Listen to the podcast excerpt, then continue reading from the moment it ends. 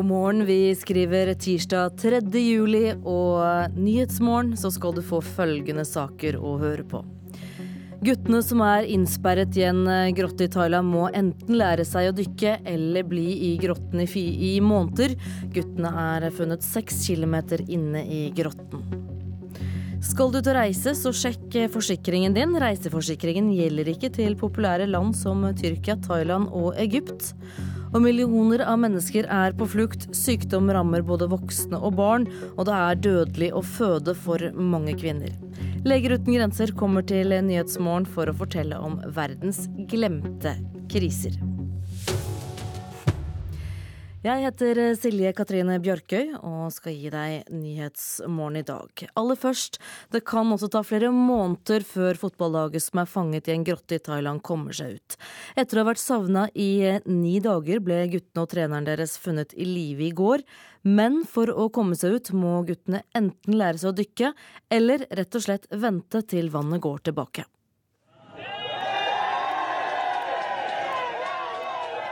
Jubelen og gledestårene er i løpet av natta blitt til uro.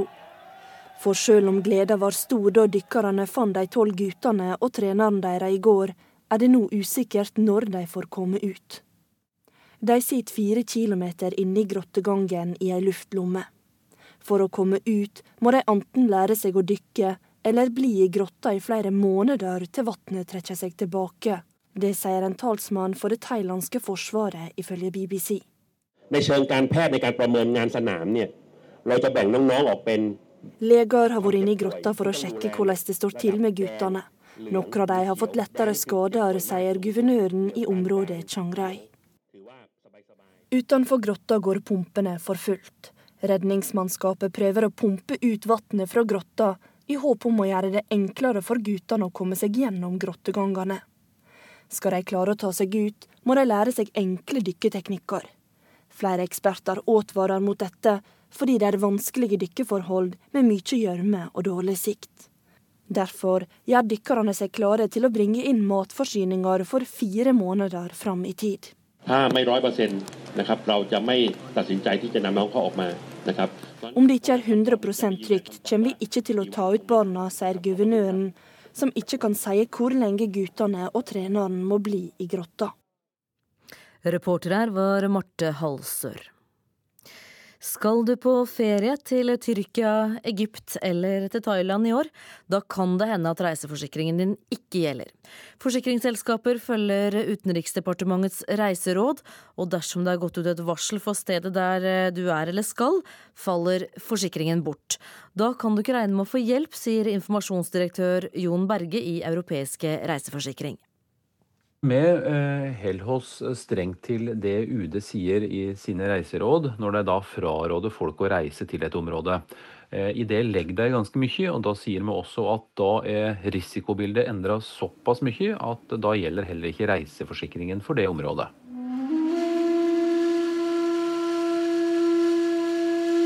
Drømmen om ferie til eksotiske mål er ofte oppnåelig for nordmenn flest. Men det er mer som skal til enn å ha passet i orden før du planlegger. Drar du til steder eller land der UD har reiseråd, kan du glemme reiseforsikringen om uhellet skulle være ute. Hvis det skulle være, skje noe og du har frivillig reist inn i et eh, område som UD har fraråd å reise til, ja, så kan vi dessverre ikke hjelpe. I forsikringsbransjen ser de en endring i reisevanene våre, og dette får innflytelse på hva reiseforsikringen dekker. Nei, Vi ser jo også at våre kunder ønsker å reise litt mer utafor allfarvei. Men så er det enkelte områder innenfor et land, f.eks. i Thailand eller i Egypt, som en ikke bør reise til. Eh, og de råda bør en følge. For nå har Tyrkia, Thailand og Egypt kommet på listen over land der UD mener vi ikke bør reise rundt i, og det er uroligheter som gjør at UD kommer med slike råd, forteller kommunikasjonsrådgiver Siri Svendsen. Hva som utløser eh, utstedelse av et offisielt reiseråd, det handler først og fremst om eh, at det er krig eller krigslignende tilstand eller andre former for uroligheter i et bestemt land eller område. Da. Ehm, så det er en samla vurdering av sikkerhets situasjonen i det bestemte landet eller området som avgjør om vi velger å utstede et offisielt reiseråd eller ikke. UD kommer med reiseråd på forskjellige nivåer, alt etter hvor alvorlig situasjonen er, eller hvor omfattende den er. Og da har vi det vi kaller det laveste nivået, og det handler om at man skal utvise aktsomhet ved reiser eller opphold i et land eller område. Mellomnivået vårt, der fraråder vi reiser eller opphold som ikke er strengt nødvendig. Og det høyeste nivået, der fraråder vi alle reiser til eller opphold i landet. UD oppfordrer oss som skal reise til å registrere reisende på departementets hjemmesider. Ved å gjøre det, så kan vi komme i kontakt med deg om det skulle inntreffe en alvorlig hendelse der du måtte befinne deg. Og utover det så er det jo verdt å merke seg at det er den enkelte reisens ansvar selv å, vurdere om et reisemål er forsvarlig, og også ta nødvendige forholdsregler. da. Bl.a. sjekke at du har dekkende reiseforsikring, og at passet ditt har tilstrekkelig gyldighetstid, og eventuelt om det er nødvendig med visum dit du skal.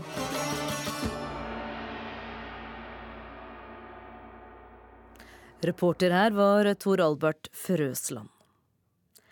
Stortingsrepresentant Ingvild Kjerkol fra Trøndelag seiler opp som en het kandidat til å bli ny nestleder i Arbeiderpartiet, ved siden av Hadia Tajik.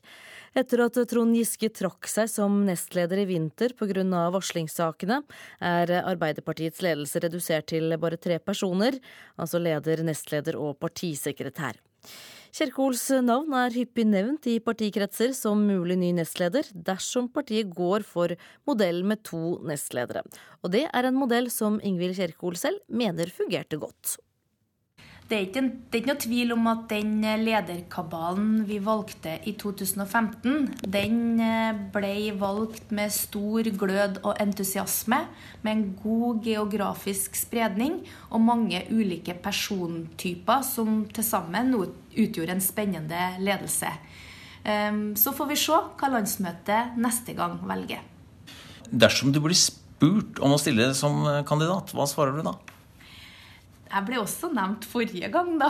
Men det var, det var den andre trønderen som eh, ble valgt. Det er alltid hyggelig å bli nevnt. Det, det tror jeg alle som sier at de ikke bryr seg om det, de er ikke helt ærlige.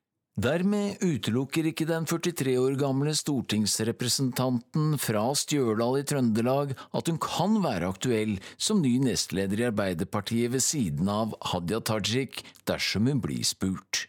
Det er i et lengre intervju i NRKs Nyhetsmorgen at Ingvild Kjerkol svarer på spørsmål om sammensetningen av Arbeiderpartiets ledelse, etter at Trond Giske i vinter trakk seg som nestleder etter varslingssakene.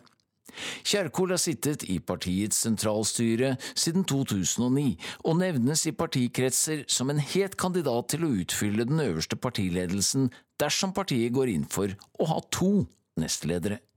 Partiets situasjon er krevende, sier Kjerkol til NRK. Eh, det å ha lagt et dårlig valg bak seg gjør jo ikke det beste for eh, arbeidslyst og motivasjon. Når man får vanskelige saker som berører enkeltmennesker på, på den litt utenomsportslige arenaen i tillegg, så gjør ikke det saken noe enklere. Reporter her var eh, Eirik eh, Ramberg. Og Sommerkvarteret med Ingvild Kjerkol, det hører du eh, her klokka 7.40.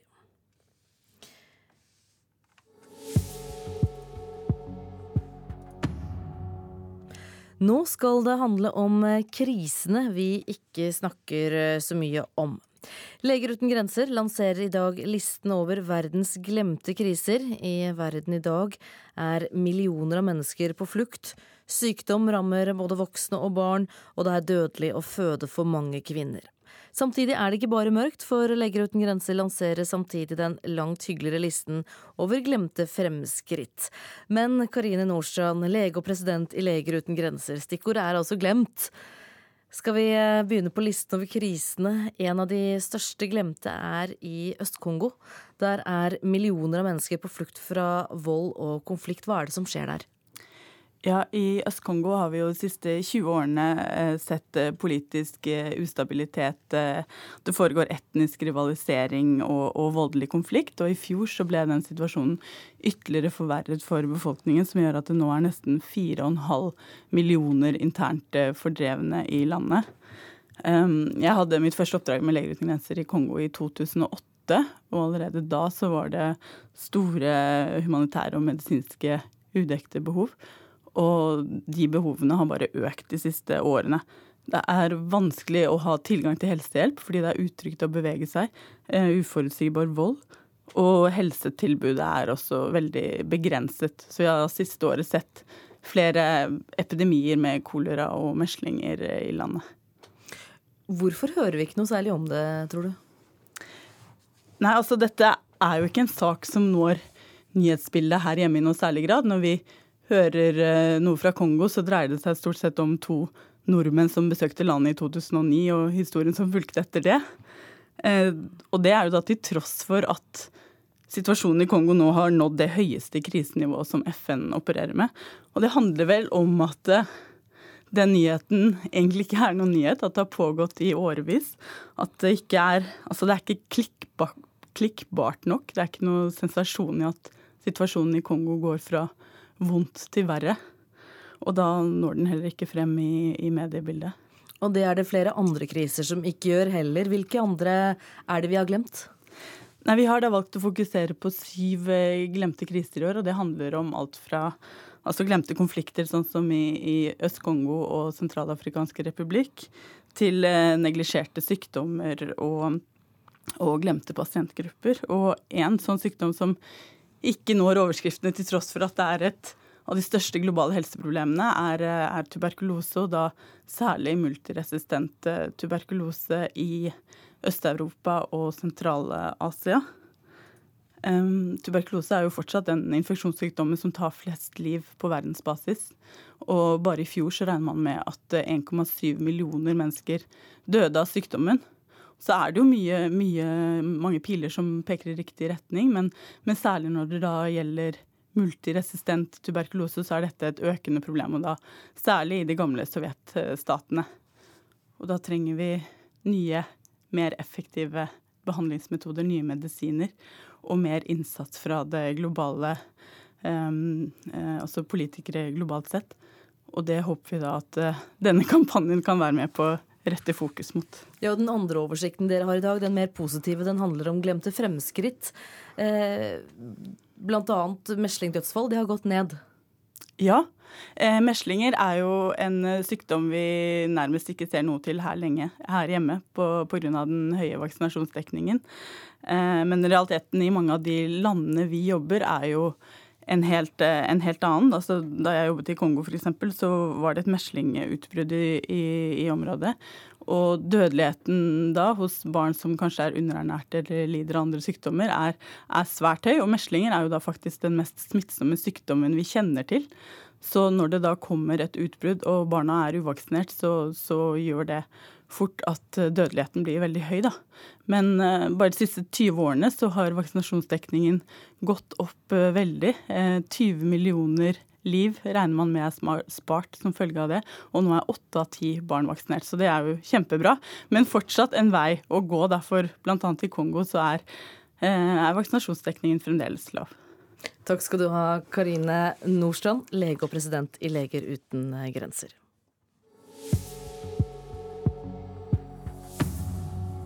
Klokka har eh, blitt 7.17. Eh, du hører på Nyhetsmorgen, og dette er hovedsaken i dag. I Polen må flere dommere i Høyesterett slutte pga. en ny lov som trer i kraft i dag. Kritikerne sier loven gir politikerne makt over domstolene. Guttene i Thailand som er funnet innesperret i en vannfylt grotte kan eh, bli fanget der inne i måneder. Guttene og treneren deres er funnet flere kilometer inne i grotten. Og skal du ut og reise, så sjekk forsikringen din. Reiseforsikringen gjelder kanskje ikke til populære land som Tyrkia, Thailand og Egypt.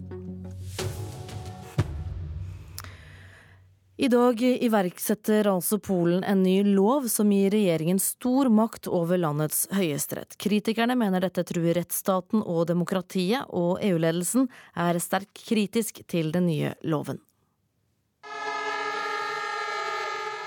I to år har den polske opposisjonen demonstrert mot den nye loven som er innført av det høyrenasjonale regjeringspartiet Lov og orden. Fra og med i dag har regjeringen sterk innflytelse i valget av dommere i polsk høyesterett, noe kritikerne ser på som en trussel mot domstolenes uavhengighet, og dermed mot maktfordelingsprinsippet og demokratiet. Den nye loven innebærer at nærmere 40% av høyesterettsdommerne blir førtidspensjonert, noe regjeringen mener er nødvendig for å modernisere rettsvesenet i Polen. Her er statsminister Mateusz Morawiecki. Våre venner og partnere i Vest-Europa kjenner ikke den virkeligheten vi har stridd med etter kommunismen og postkommunismen. Vi må gjøre vårt rettsvesen mer effektivt, og det burde vi ha gjort for 25 år siden, sier den polske statsministeren men i andre EU-land er det liten eller ingen forståelse for denne begrunnelsen. Og EU-kommisjonen har lagt kraftig press på polakkene for å få dem til å ombestemme seg.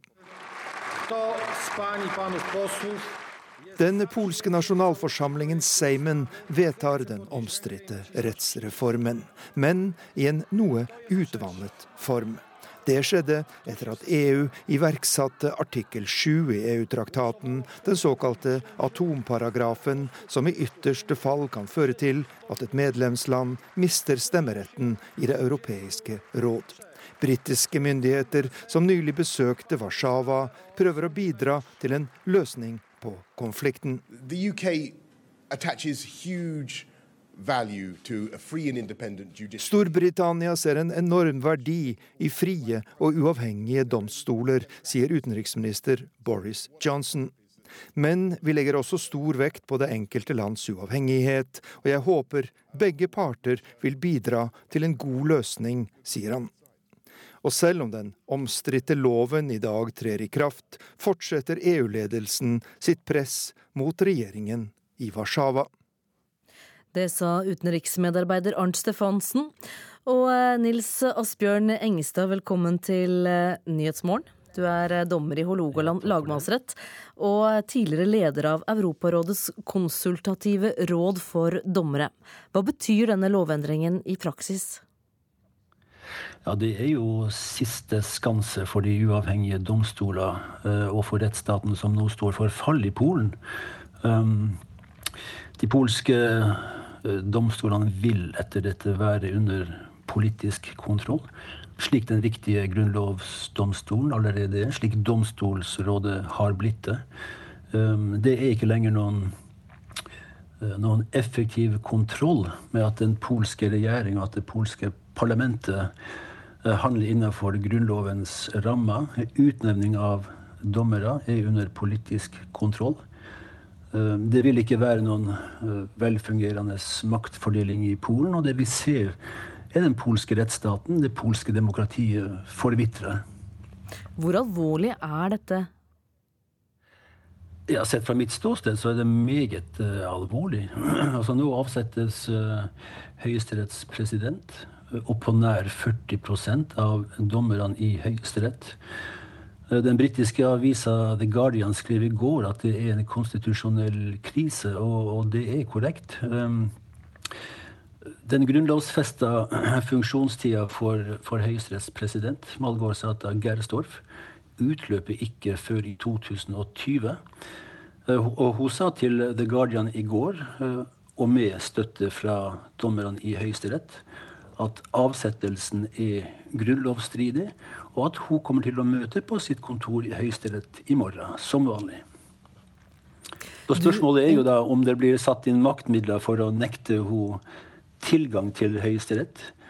Eh, så det er, det er, dramatikk over det som nå skjer i, i Warszawa. Du er selv i eh, Kiev i Ukraina nå, og der har det vært lignende tilstander som man er i ferd med å få i Polen. Men Ukraina har gått helt motsatt vei av det som nå skjer eh, i, Polen. Kan du ta, dra oss gjennom litt eh, hva som skjer? Ja, det er riktig det. altså... Ukraina har gjennom flere avgjørelser fra Den europeiske menneskerettsdomstolen, og dette viser jo også Eh, hvor viktig Den europeiske menneskerettsdomstolen er. Eh, men flere avgjørelser derfra påpekte at eh, de ukrainske domstoler og dommere er under for sterk politisk innflytelse og styring. Og Ukraina ble felt i flere saker. Og domstolen pekte samtidig på tiltak som Ukraina burde iverksette for å styrke uavhengigheten til sine domstoler. Og i den samme perioden, altså fra 2015, i den samme perioden som vi har sett at rettsstaten forvitrer i Polen ved at man søker å få større politisk innflytelse over domstolene, så har man i Ukraina gått den motsatte veien, nemlig å fjerne domstolene fra området for politisk eh, kontroll. Takk skal du ha, Nils Asbjørn Engstad, dommer i Hålogaland lagmannsrett og tidligere leder av Europarådets konsultative råd for eh, dommere. Så er det tid for å se på hva som skjedde i natt, kanskje mens eh, du sov?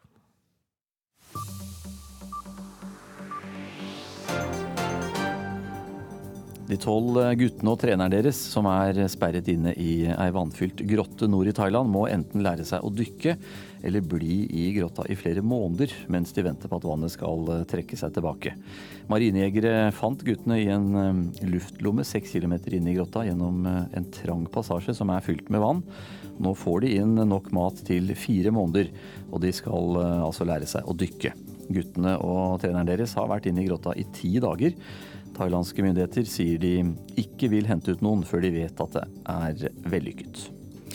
En australsk erkebiskop er dømt til husarrest i tolv måneder for å ha dekket over seksuelle overgrep mot fire gutter. Overgrepene skjedde nord for Sydney på 1970-tallet. Erkebiskopen har alzheimer og sier i retten at han ikke husker at han ble varslet om overgrepene, men retten mener han lot være å si noe fordi han ønsket å beskytte kirken og kirkens omdømme. Presten som begikk overgrepene, han ble dømt for dem, men er nå død. 63 migranter er savnet etter at båten de var om bord i forliste utenfor kysten av Libya. 41 personer overlevde forliset. De sier at det var 104 mennesker om bord. Båten sank øst for Tripoli, som er hovedstaden i Libya. På dagen eh, i går så ble 235 flyktninger reddet fra to forlis i samme område. 54 av dem var eh, spedbarn. Til sammen er rundt 170 eh, migranter fortsatt savnet i forlis utenfor Libya siden fredag. Og her er det som skal skje i dag, som vi i NRK Nyheter er opptatt av. I Polen må flere dommere i Høyesterett slutte pga. en ny lov som trer i kraft i dag. Loven gir politikerne stor makt over Høyesterett fordi de bestemmer hvem som skal være medlemmer av domstolrådet. Og dette rådet igjen, det velger hvem som får være dommere. Kritikerne mener dette truer rettsstaten og demokratiet, fordi domstolene ikke lenger er uavhengige. Ledelsen i EU er sterkt kritisk til den nye loven. Og Russland får et sjeldent besøk av USA i dag. En amerikansk delegasjon kommer til Moskva og skal møte Russlands utenriksminister Sergej Lavrov og andre politikere. Om to uker er det planlagt et toppmøte mellom USAs president Donald Trump og Russlands president Vladimir Putin. Og så fortsetter eh, VM-sluttspillet i fotball i eh, Russland. Klokka 16 spiller eh, Sverige mot Sveits i St. Petersburg. Klokka 20 så møter Colombia England på Spartak stadion i Moskva. Tidligere England-sjef Sven-Göran Eriksson tror engelskmennene får det tøft mot Sverige hvis begge spiller seg til kvartfinale.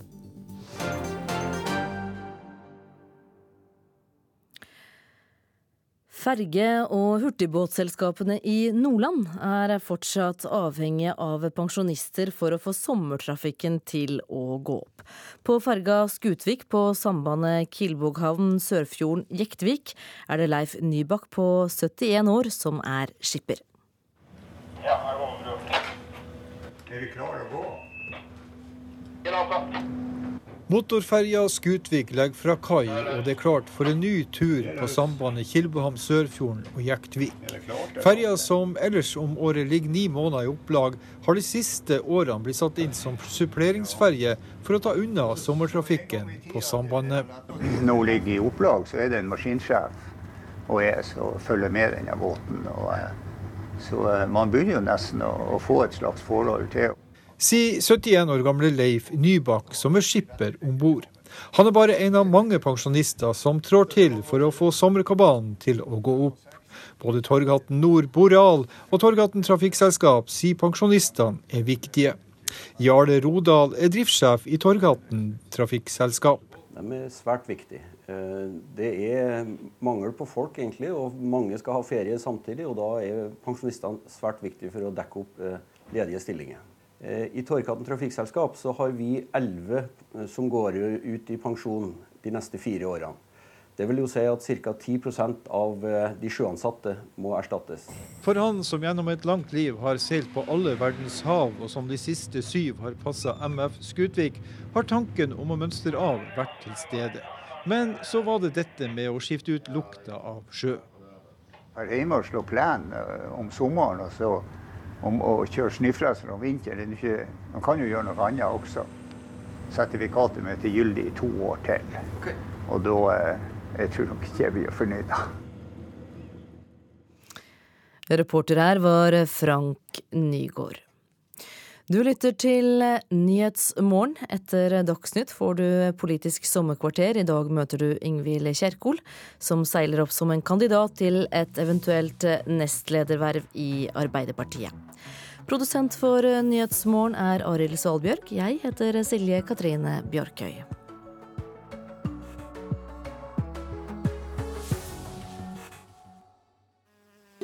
Sommer i P2. Jeg heter Siri Helle. Jeg er skribent og opptatt av hvordan vi produserer maten vår. I Sommer i P2 forteller jeg om hvordan å bli kjent med dyr gjorde at jeg slutta som vegetarianer og begynte å ete kjøtt. Sommer i P2 i dag klokka ni.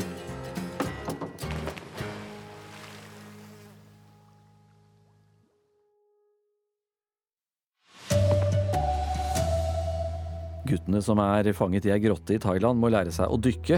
Hvis ikke må de være der i flere måneder. Det har vært tre sextrakasseringssaker på under ett år ved Universitetet i Stavanger. Nordens siste håp møter Sveits i fotball-VM i dag. En fordel at vi ikke er favoritter, sier Sverigekapteinen. Her er NRK Dagsnytt klokka 7.30. Ja, det kan eh, ta flere måneder før uh, Fotballaget som er fanget i ei grotte i Thailand, kommer seg ut. Etter å ha vært savnet i ni dager ble guttene og treneren deres funnet i live i går. Men for å komme seg ut må guttene enten lære seg å dykke, eller rett og slett vente til vannet går tilbake.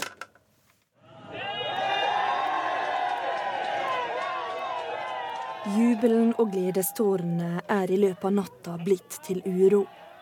For sjøl om gleda var stor da dykkerne fant de tolv guttene og treneren deres i går, er det nå usikkert når de får komme ut.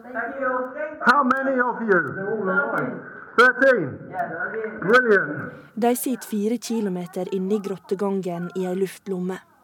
For å komme ut må de enten lære seg å dykke, eller bli i grotta i flere måneder til vannet trekker seg tilbake. Det sier en talsmann for det thailandske forsvaret, ifølge BBC. ในเชิงการแพทย์ในการประเมินงานสนามเนี่ย Leger har vært inne i grotta for å sjekke hvordan det står til med guttene. Noen av dem har fått lettere skader, sier guvernøren i området Chiang Rai. Utenfor grotta går pumpene for fullt. Redningsmannskapet prøver å pumpe ut vannet fra grotta i håp om å gjøre det enklere for guttene å komme seg gjennom grottegangene. Skal de klare å ta seg ut, må de lære seg enkle dykketeknikker. Flere eksperter advarer mot dette, fordi det er vanskelige dykkeforhold med mye gjørme og dårlig sikt. Derfor gjør dykkerne seg klare til å bringe inn matforsyninger for fire måneder fram i tid. Om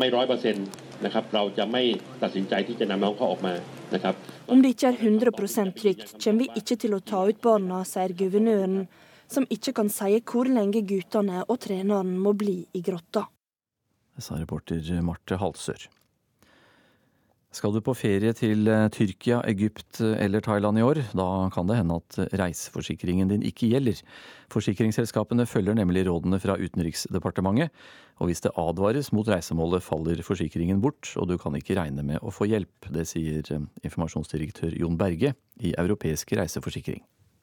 Med holder oss strengt til det UD sier i sine reiseråd, når det da fraråder folk å reise til et område.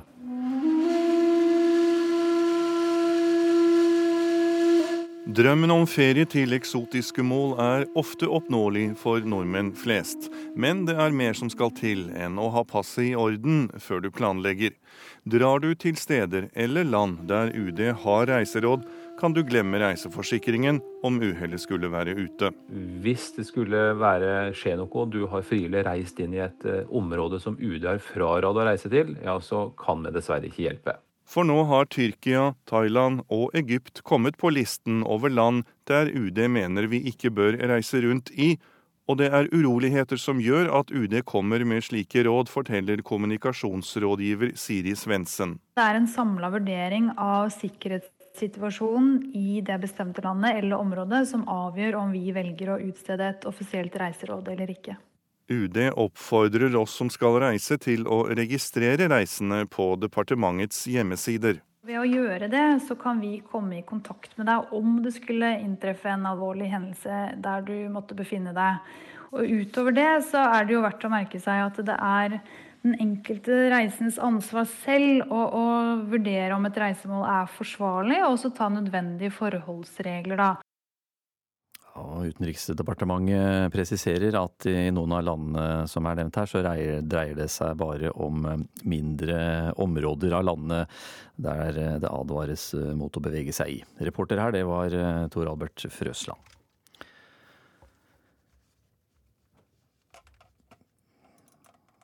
Leger uten grenser lanserer i dag ei liste over verdens glemte kriser. I verden i dag så er millioner av mennesker eh, på flukt. Sykdom rammer både voksne og barn, og det er dødelig å føde for mange kvinner. Samtidig er det ikke bare mørkt. Leger uten grenser lanserer samtidig den langt hyggeligere lista over glemte fremskritt. Karine Nordstrand, lege og president i Leger uten grenser. Eh, vi får snakke om eh, de glemte krisene først, og den eh, kanskje største av dem alle skjer i Øst-Kongo, der eh, millioner av mennesker er på flukt fra vold og konflikt. Hva er det som skjer der? I Øst-Kongo så har det jo vært en eh, pågående voldelig konflikt i, i over 20 år, eh, som har gjort at helsesystemet har kollapset, og at det er også tilgang til helsehjelp er vanskelig fordi det er så utrygt å bevege seg rundt. Volden er så uforutsigbar. Eh, og det har ført til um, flere store sykdomsutbrudd siste året, bl.a. med kolera og meslinger. Eh, høy barnedødelighet, lav vaksinasjonsdekning. Generelt en helsekrise for befolkningen. Hvorfor er det behov for eh, en slik liste, eller slike lister som dere kommer med hvert år? Altså, Vi ønsker å rette fokus mot de glemte kristne, fordi vi vet at uh, oppmerksomhet og engasjement kan skape politisk press. Uh, sånn at politikere og beslutningstagere sørger for reell endring. Og så ønsker vi også å fokusere på de glemte fremskrittene for å minne folk på at det faktisk nytter å engasjere seg. Uh, og at det kan være en sånn effektiv medisin for den avmakten mange kanskje føler i, i møte med dagens litt sånn dystre nyhetsbilde. Takk skal du ha, Karin Nordstrand, som altså er lege og president i Leger uten grenser. En eh, førsteamanuensis ved Fakultetet for utøvende kunstfag ved Universitetet i Stavanger sluttet nylig, etter flere varsler fra studenter om eh, uønsket seksuell atferd, mobbing og seksuell trakassering. Dette er den eh, tredje varslingssaken ved universitetet på under ett år. Jeg kan bekrefte at vi har en varslingssak, og at vedkommende ansatt ble umiddelbart eh, suspendert fra sin stilling, og har eh, i etterkant valgt å si opp stillingen sin. Sier rektor ved Universitetet i Stavanger, Marit Bojesen. Denne gangen er det altså en førsteamanuensis ved Fakultet for utøvende kunstfag som har sluttet etter at flere studenter i begynnelsen av mai varslet om uønsket seksuell atferd, mobbing og seksuell trakassering. Vi ser veldig alvorlig på denne saken. Det vi gjør studentene og ansatte oppmerksom på, det er at vi har nulltoleranse for den type atferd. Og vi har det siste året hatt eh, en gjennomgang av det etiske regelverket vårt og rutinene våre i forhold til å melde fra om den type saker. Bojesen vil ikke si hvor mange varsler det er snakk om, men NRK har snakket med en av varslerne, som sier at sju nåværende studenter har meldt fra til UiS. I tillegg har det kommet to anonyme varsler fra studenter som vedkommende har undervist tidligere andre steder. Vedkommende skal gjentatte ganger ha invitert kvinnelige studenter til barer og kafeer, og til sin egen leilighet og hotellrom, hvor han har skjenket dem store mengder alkohol før han har gjort seksuelle tilnærmelser, ifølge varslerne. I tillegg skal han ifølge varslerne ha drevet med mobbing og trakassering i klasserommet. NRK har eh, kontaktet personen som nå har eh, sluttet ved universitetet etter varsler i mai, men han har ikke svart på henvendelsene. Reporter her var eh, Anette Johansen Espeland. Sverige møter i dag eh, Sveits i åttedelsfinalen i fotball-VM. Sverige er det siste VM-håpet for eh, Norden, men det er Sveits som er favoritt til å vinne. Sverige-kaptein Andreas Granqvist tror imidlertid favorittstempelet til Sveits kan hjelpe dem. Vi vet våre styrker og våre svakheter, vi vet hva som har taget oss hit. Sverigekaptein Andreas Granqvist har begge beina planta godt på jorda før åttedelsfinalen mot Sveits. Vi vet at Sveits har gjort det veldig bra under lengre tid og er favoriter i morgendagens match. Så at vi skal vise noen type av underskatning finnes ikke. Eh, vi er i en åttendelsfinal for vi vet hva som har tatt oss hit. Et utrolig sterkt kollektivt forsvarsspill, men også våget haft et bra anfallsspill når vi har kunnet. Å angripe, det turte de virkelig i den avgjørende gruppespillkampen mot Mexico. Det endte 3-0, og det samme nivået trengs for å slå Sveits. Eh, vi kommer inn og gjør alt vi kan i morgen for å gjøre en lignende prestasjon som vi gjorde her senest mot Mexico. Sveriges-sjef Janne Andersson har lyktes godt med forberedelsene til gruppespillkampene, og føler seg trygg på at han vet hvordan Sverige kan slå Sveits i ettermiddag. Ja, jeg er helt trygg. Jeg syns også vi har analysen har vært bra. Det hele konseptet, hele arbeidsmetoden som jeg syns er veldig bra, og som, som gjør meg veldig trygg i, i, som forbundskaptein og ytterste ansvar å ha jæklig dyktige medarbeidere. Reporter eh, Mattis Holt. Kampen eh, ser du på NRK1 eller hører på radiokanalen NRK Sport fra klokka 16. Og klokka 20 møtes eh, Colombia og England. Den kampen kan du også følge direkte i NRK Sport eller se på TV 2. Erlend Rønneberg har ansvaret for NRK Dagsnytt i dag. Jeg heter Anders Borgen Werring.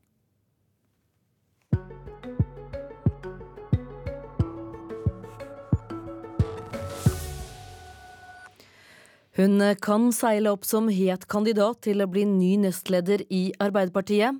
Du hører på Nyhetsmorgen, og det neste kvarteret får du møte stortingsrepresentanten fra Trøndelag, Ingvild Kjerkol, i denne utgaven av Sommerkvarteret. Fra, for fra sitt kontor, nummer 240 på Stortinget, uttaler 43-åringen seg om situasjonen i partiet, Nelson Mandela, og om hun kan tenke seg å ta ansvar som nestleder dersom hun blir spurt.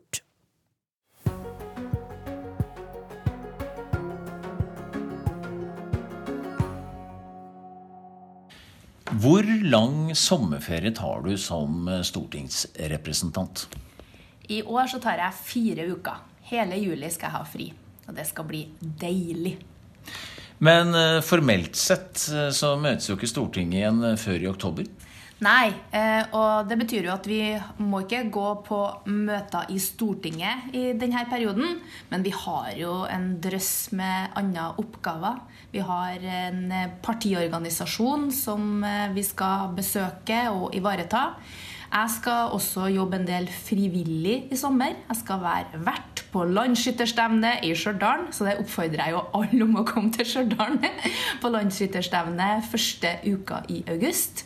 Og så er det Arendalsuke, og så er det komitéreiser, og så er det i gang med Stortinget. Da har vi faktisk brukt opp de her eh, månedene som omtales som eh, den lengste sommerferien. Men disse fire, fire, ukene hvor du skal ha ferie, da, sjekker du jobb-e-posten din? Ja, det gjør jeg. Eh, fordi at eh, jeg syns det er enklere enn å få en hel haug når jeg begynner på igjen. Så jeg tar en sånn halvtime på kveldstid og kikker om det har kommet noe som fortjener å følges opp. Men jeg tar fri. Jeg følger ikke opp alle e-poster. Og det er roligere òg, da. Det kommer mindre e-post i juli.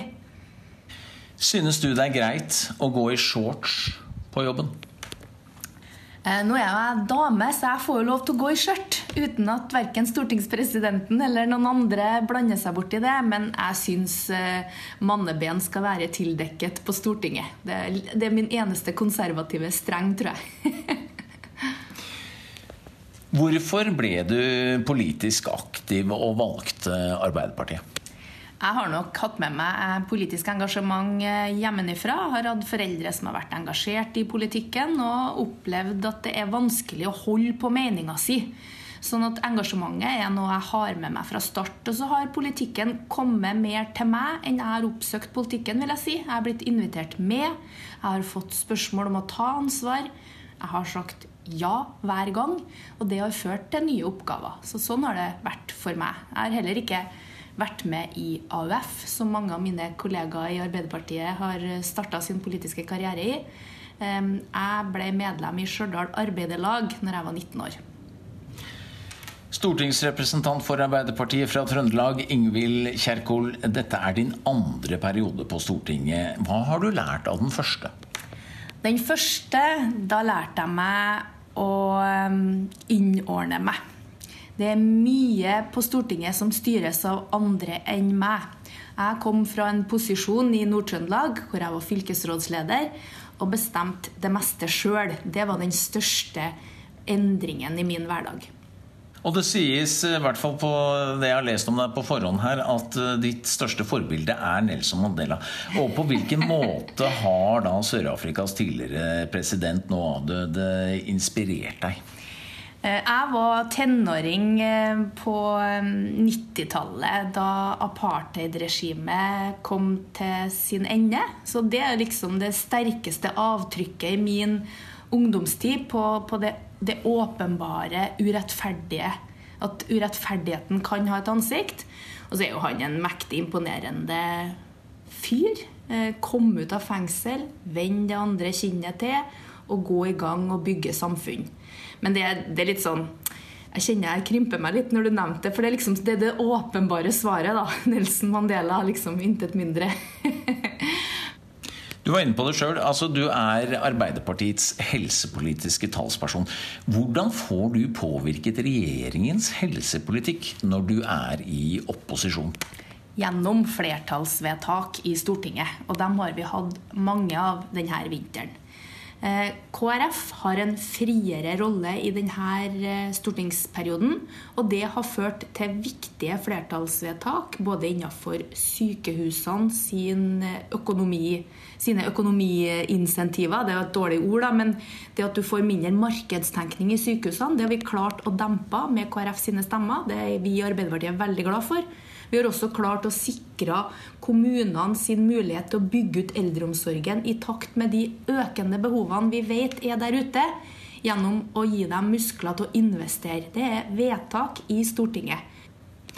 Hvor viktig blir det største fylkeslaget i Arbeiderpartiet, som du var inne på, at Trøndelag er i partiets arbeid for å få velgerne tilbake til partiet? Trøndelag Arbeiderparti er ei politisk kraft i Arbeiderpartiet. Det var her vi gjenerobra en av de største byene, Trondheim, i 2003. Det var her man la mye av grunnlaget for det rød-grønne regjeringsprosjektet. Men det er også her vi skal vinne valg i framtida. Apropos valg for Ingvild Kjerkol. Hvordan forklarer du Arbeiderpartiets svake resultat i stortingsvalget i fjor høst på 27,4 Nei, Det var et dårlig resultat. Det er vel heva over enhver tvil. Og det er ikke der Arbeiderpartiet skal være. Vi lyktes ikke å skape entusiasme om vårt prosjekt. Mange mener at de heller ikke fikk øye på noe godt prosjekt. Det tar vi på største alvor, men vi kan ikke bruke lengre tid nå på å eh, grave i den grusen. Etter eh, valget i fjor høst så har partiet fortsatt å synke på meningsmålingene. Hva mener du er hovedgrunnen til det? Nei, Det tror jeg er for at man opplever nok ikke at man har hørt noe mye politisk budskap fra Arbeiderpartiet. Eh, og det er det man forventer av Arbeiderpartiet. At vi skal ha svar som folk kan tro på, og som løser utfordringene i hverdagen. Det har vært prega av utenomsportslige saker. og det ønsker vi å legge bak oss nå. Det er et tydelig signal fra hele partiet. Vi må snakke litt om det du omtaler som eh, i politisk forstand utenomsportslig. Ja. Det vil altså si at Trond Giske han trakk seg som nestleder i partiet etter varslingssakene som da kom. Og han er fra Trøndelag Arbeiderparti som deg. Mm. Hvordan vurderer du partiledelsens håndtering av denne saken? Nei, det er Partiledelsen har tatt det ansvaret de er satt til å ta.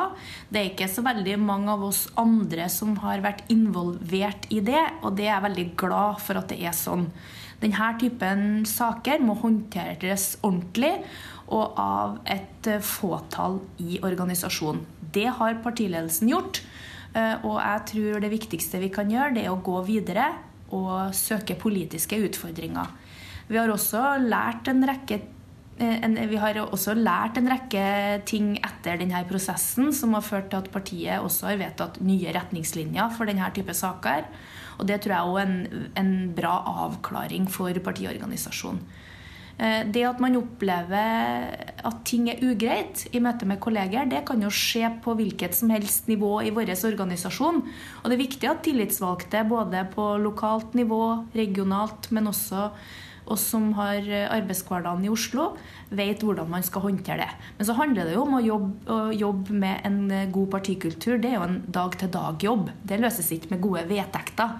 Det handler om å se hverandre i øynene, eh, oppføre seg ordentlig og jobbe med politikk. Metoo og varslingssakene har fått konsekvenser i flere partier. Men likevel så har dette spesielt rammet Arbeiderpartiet. Hvordan forklarer du det? Nei, det, det, forklarer jeg nok med at eh, Arbeiderpartiet alltid er hefta med stor interesse. Vi er landets største parti. Men eh, jeg tror nok også at mange har ønska å eh, ta alle analysene i, én og samme kontekst, da, kan du si. Eh, det å ha lagt et dårlig valg bak seg gjør jo ikke det beste for eh, arbeidslyst og motivasjon. Når man får vanskelige saker som berører enkeltmennesker på, på den litt utenomsportslige arenaen i tillegg, så gjør ikke det saken noe enklere.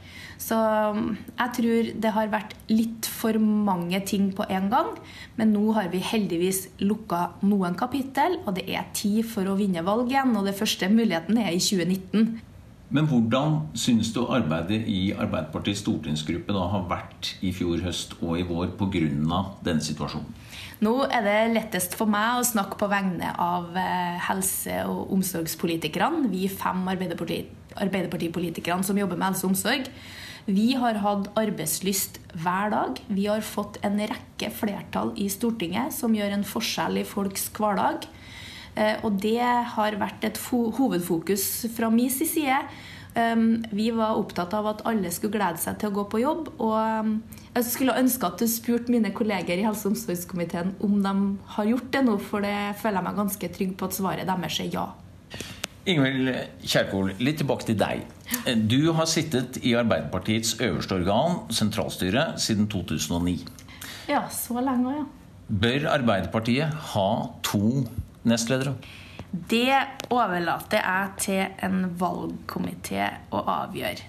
Der er vi ganske trygge i Arbeiderpartiet på de eh, prosessene vi har for å håndtere valg av våre fremste tillitsmenn og -kvinner.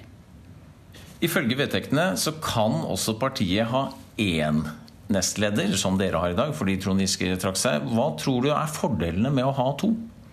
Nei, Ofte velger man jo en løsning med to nestledere pga. at det er en del eh, hensyn partiet er nødt til å ta. Det blir jo en vurdering man også må gjøre ved neste korsvei, og det har vi gode prosesser på å gjøre. Men det har vært nyttig å ha to nestledere i Arbeiderpartiet? Det er, ikke, det er ikke noe tvil om at den lederkabalen vi valgte i 2015, den eh, ble valgt med stor glød og entusiasme, med en god geografisk spredning og mange ulike persontyper som til sammen utgjorde en spennende ledelse. Ehm, så får vi se hva landsmøtet neste gang velger. Du nevnes i hvert fall som en mulig kandidat til det nestledervervet dersom partiet går for to nestledere. Og dersom du blir spurt om å stille som kandidat, hva svarer du da? Eh, jeg ble også nevnt forrige gang, da. Men det var, det var den andre trønderen som eh, ble valgt. Det er alltid hyggelig å bli nevnt. Det, det tror jeg alle som sier at de ikke bryr seg om det, de er ikke helt ærlige. Så jeg syns selvsagt det er hyggelig å bli nevnt, men jeg har den dypeste respekt for den type prosesser. Så jeg sier ikke noe mer enn det. Men du utelukker det ikke? Jeg har lyst til å fortsette i sentralstyret, fordi vi har en stor jobb foran oss som jeg har sterk motivasjon til å være med på å gjøre. Så det har jeg veldig lyst til å fortsette i sentralstyret. Fordi partileder Jonas Gahr Støre får noen ganger kritikk fordi at han ikke sørger for god nok rekruttering til store og viktige verv i partiet. Men han har trukket fram deg som et eksempel på at han gjør nettopp det. Han har sterke talenter i partiet. Hva sier du til sånn ros? Nei, Jeg syns det er artig å bli omtalt som talent når jeg er blitt 43 år. Det syns jeg er hyggelig.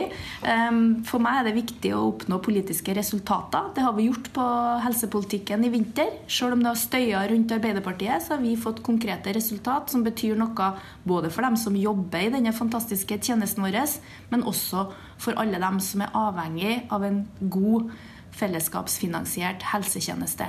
Så det er min motivasjon. Det er alltid hyggelig å få skryt av sjefen. Og så er jeg litt bekymra for at ikke alle skryter like mye tilbake. Så jeg må jo si at jeg syns det har vært veldig ok å samarbeide med Jonas Gahr Støre om en rekke saker på helsefeltet i vinter. Og den situasjonen som er i ditt eget parti, hvor krevende er den, syns du? Jeg syns den har vært krevende, men det er klart at alle vi som sitter i sentralstyret og som har verv i politikken, vi tar på oss denne type oppgaver. Vi vet at det er uværsdager og det er finværsdager. Så det er en del av jobben. Og, vi bruker ikke veldig mye tid på å sutre over at situasjonen kunne ha vært annerledes. Men føler du at partiet er samlet i dette arbeidet? I det politiske arbeidet så opplever jeg at vi er samla. Vi har satt ned en rekke utvalg nå som jobber med politikkutvikling. Og så er Arbeiderpartiet et parti å ha meninger i. Det betyr at det brytes ganske støyfullt før vi lander konklusjonene. Det kommer vi til å gjøre nå òg i tida framover på eh, områder som engasjerer våre tillitsvalgte.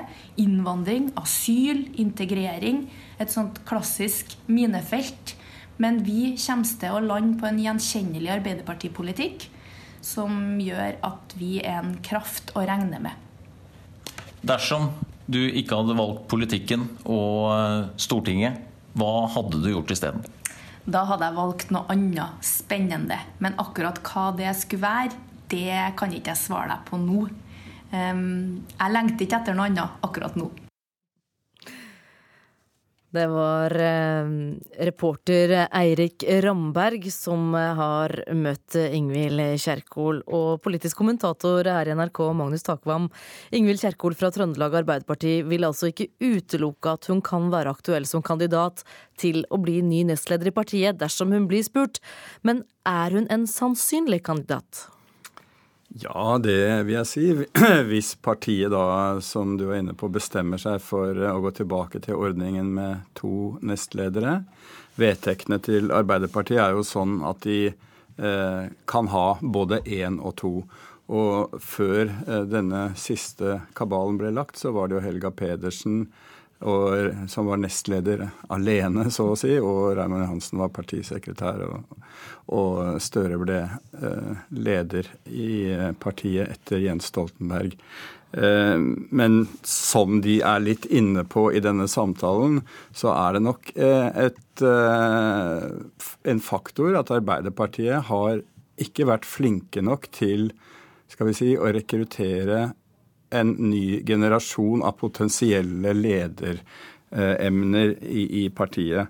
Uh, og, og, der har de hatt problemer. altså Alle husker den betente konstitueringen av Arbeiderpartiets stortingsgruppe etter valgnederlaget i høst, der ikke bare Marianne Martinsen, men også andre profilerte uh, stortingsrepresentanter uh, ikke fikk det de eh, hadde lyst på av, av, verv, og dermed har mange av dem eh, forsvunnet litt. sånn at dette er eh, et problem for et så stort parti som, som Arbeiderpartiet. Helt opplagt at de ikke har et sjikt av folk å velge mellom som er, som er bredt nok.